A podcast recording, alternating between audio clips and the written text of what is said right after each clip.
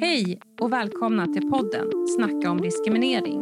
Det är vi på Antidiskrimineringsbyrån Rättighetscentrum Halland som håller i den här podden. Kärnan och utgångspunkten i allt vi pratar om är vår strävan i att alla människor ska ha lika rättigheter och möjligheter. Vi arbetar mot diskriminering och för mänskliga rättigheter. Vi tar upp vad diskrimineringslagen säger och intressanta rättsfall och kopplingar till olika rapporter på området. Och vår förhoppning är att detta ska ge dig nya perspektiv och nyfikenhet för de här frågorna. Idag är det premiär för vår podd och vi ska inleda med ett avsnitt som handlar om vägen fram till vårt diskrimineringsskydd som vi har idag. Yes. Och jag som pratar nu heter Sofie Johansson och är verksamhetsledare på Rättighetscentrum Halland. Och jag heter Katarina Koch och jobbar som jurist på Rättighetscentrum Halland. Precis. Och de rättigheter som vi har idag enligt lagen är ju långt ifrån självklara och det är ett ständigt arbete med att eh, försvara dem. Mm. Eh, men då ska vi gå igenom lite. Hur ser det ut i Sverige idag? På vilket sätt skyddas vi medborgare från att bli diskriminerade? Ja, man kan ju börja med att lyfta fram den här principen om människors lika värde som uttrycks då i vår grundlag, regeringsformen. Mm. Och Det gör man då med orden den offentliga makten ska utföras med respekt för alla människors lika värde och för den enskilde människans frihet och värdighet.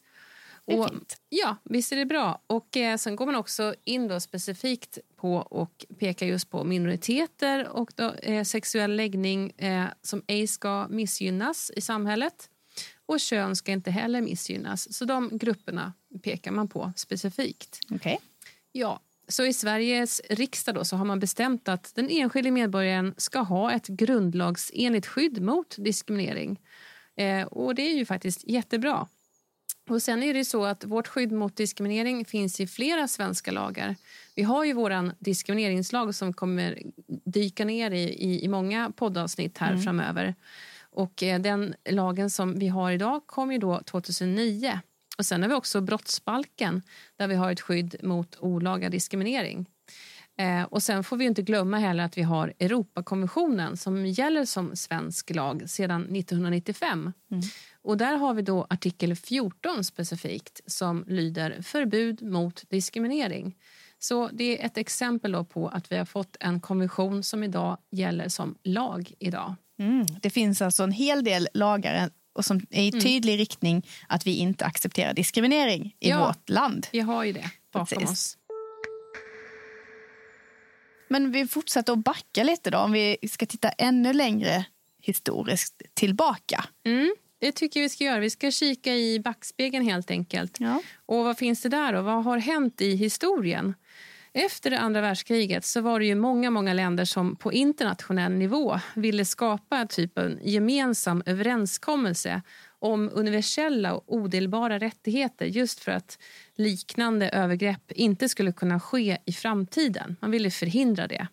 Så 1948 då så antogs den här FNs generalförsamling en allmän förklaring om de mänskliga rättigheterna.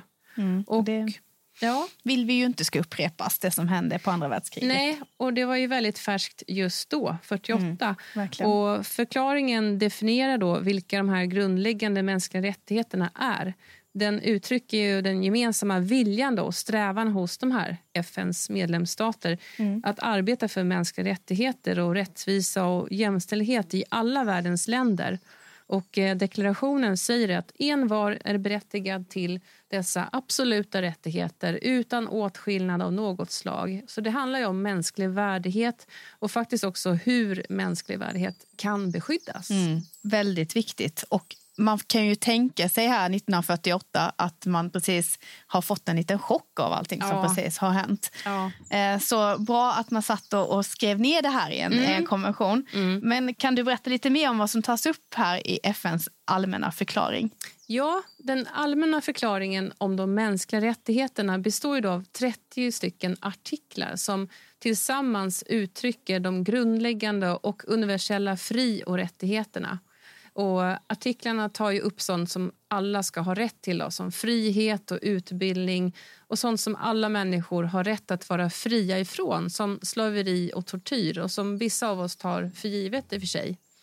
Och FNs allmänna förklaring är den allra första universella förklaringen om att det finns grundprinciper av odelbara rättigheter, alltså rättigheter man inte ska röra mm. som gäller för alla och som världens stater gemensamt ska leva upp till.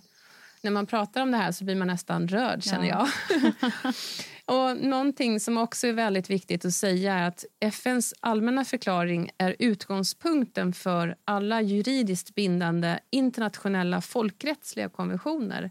Och Den utgör ju grunden då i det här internationella arbetet med att övervaka de här mänskliga rättigheterna i världens stater som vi vill ha. Så här läggs ju en viktig grund 1948, liksom ett, ett avstamp till en bättre värld. Woohoo. Ja, och man vill ju förhindra att de här grymheterna som varit under andra världskriget inte skulle kunna upprepas. Det är det som är syftet här och ändamålet. Mm.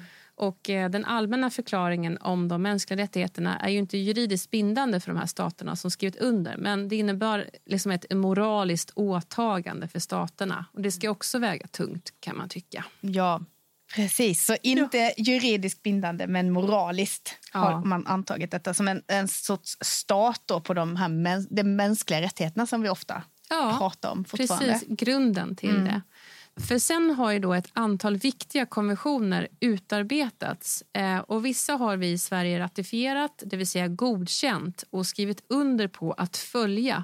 Och Vissa har inkorporerats eller transformerats till svensk lag, vilket är ännu bättre. Ja, det var en del krångliga begrepp. Mm. Så vad är skillnaden då på att antingen ratifiera en konvention eller att ha omvandlat till en nationell lag? Ja, det är faktiskt bra att prata om det och ta upp det. Skillnaden är liksom att om en konvention endast är ratifierad så innebär det att eh, den är bindande för den här staten men den kan inte tillämpas direkt hos en myndighet eller i domstol. Mm. Så konventionens innehåll och artiklar räknas inte som gällande rätt då. Eh, och för att en konvention ska kunna tillämpas direkt eh, och användas då när man tar beslut i myndigheter eller domstolar eh, för att till exempel ge en person rätt till någonting så krävs det att rättigheterna skrivs in i svensk lag. Och detta kan då ske genom de här, eh, den här transformeringen eller inkorporeringen. Det är två lite krångliga ord. Mm. Jag ska försöka förklara skillnaden mellan de här. Ja, tack.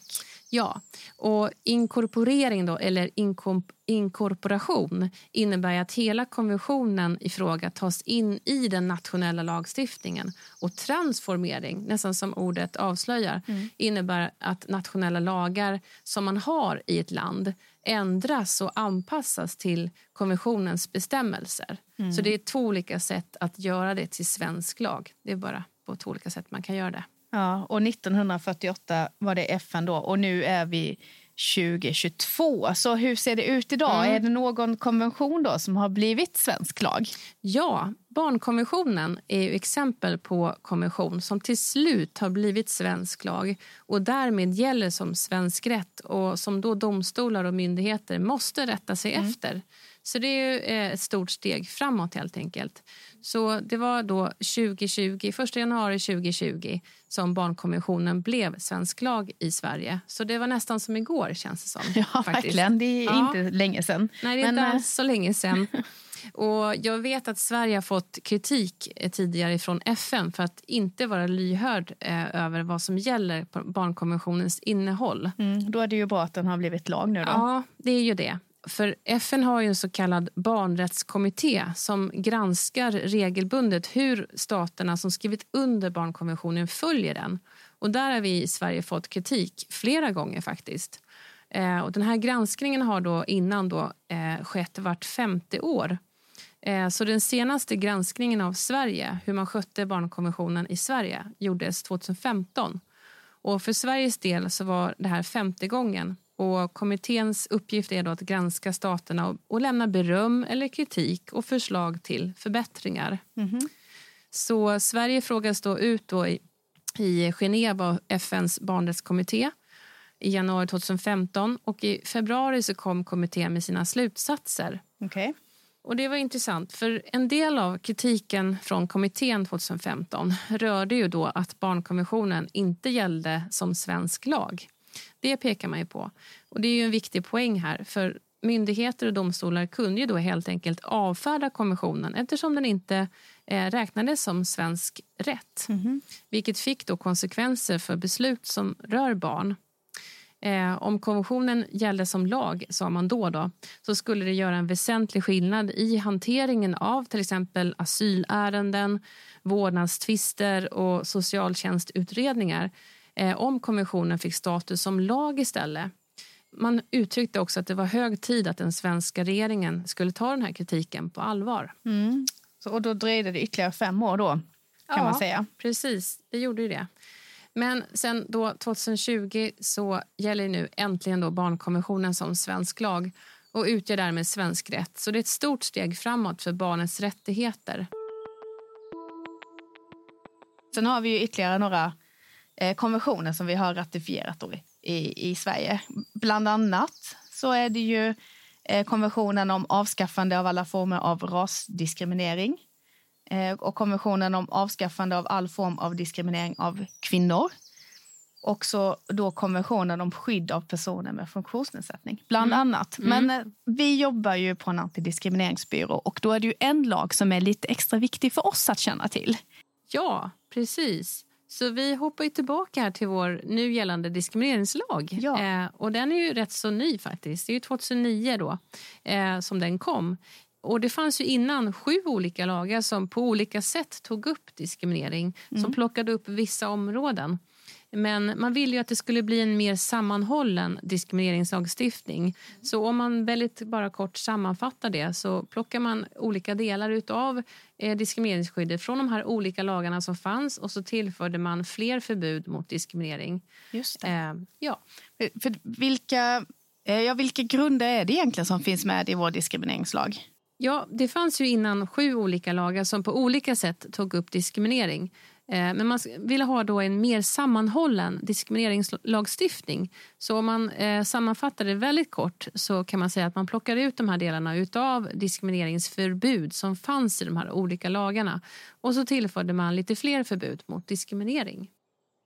Och så brukar man höra talas om att vi har sju diskrimineringsgrunder också. Mm. Eh, vilka är det då som står i vår diskrimineringslag? Ja, idag har vi då sju diskrimineringsgrunder. Eh, och det är etnisk tillhörighet och det är funktionsnedsättning. Vi har kön och könsöverskridande identitet eller könsuttryck. Vi har religion eller annan trosuppfattning, sexuell läggning och ålder. Det är de sju vi har idag. Ja. Och sen så är det ju så också att eh, man utvidgade det här begreppet diskriminering 2015 mm. genom att eh, ta in en ny form av diskriminering. Eh, och det var ju faktiskt då några år efter att vår diskrimineringslag kom till. Ja. Och det var just bristande tillgänglighet. Och det har vi ju sett idag eh, och ser hela tiden att det är ett eh, stort område. Precis, och mm. något som vi har anledning att återkomma till tänker jag. Ja, absolut, mm. på flera olika sätt. Så vad är syftet och målet med att vi har en diskrimineringslag? Ja, diskrimineringslagens enda mål är ju faktiskt då att motverka och diskriminering och främja lika rättigheter och möjligheter. Och jag uppfattar att just där har vi den här tydliga kopplingen till det som vi pratade om först här i det här poddavsnittet. Mm. Det vill säga FNs allmänna förklaring. Och kikar vi just på artikel 1 som lyder som följer. Alla människor är födda fria och lika i värde och rättigheter. De har utrustats med förnuft och samvete och bör handla gentemot varandra i en anda av gemenskap. Väldigt fint och något som är värt att arbeta för. Ja, det är motiverande. Mm. Och någonting mer som är viktigt att poängtera här är att diskrimineringslagen hanterar ju relationen mellan individ slash medborgare kontra samhällsaktör. Mm. Eh, så det är ju inte diskriminering mellan individer utan någon form av samhällsaktör behöver vara inblandad. Så det som ibland upplevs som diskriminering är inte alltid det som är diskriminering enligt vår diskrimineringslag? Precis. Men den skyddar ändå en hel del områden? Ja, det gör den. Men vad intressant att veta mer om hur vår diskrimineringslag har kommit till och vad som har föranlett att vi har en diskrimineringslag mm. nu i Sverige. Ja. Och vi kommer ju att gå in djupare i olika delar av diskrimineringslagen i den här poddserien. Ja, det kommer vi göra. Vi kommer dyka ner i vissa områden. Precis. Det här mm. var bara en kort introduktion till mm. disk diskrimineringslagen. Mm. Eh, och vi återkommer i kommande avsnitt för mer fördjupning. Det gör vi. Tack. Tack.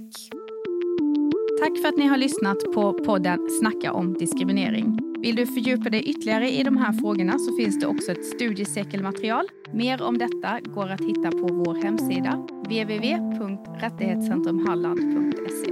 Den här podden gjordes med stöd av Myndigheten för ungdoms och civilsamhällsfrågor, ABF Halland. Tekniker för podden är Joakim Dahlström.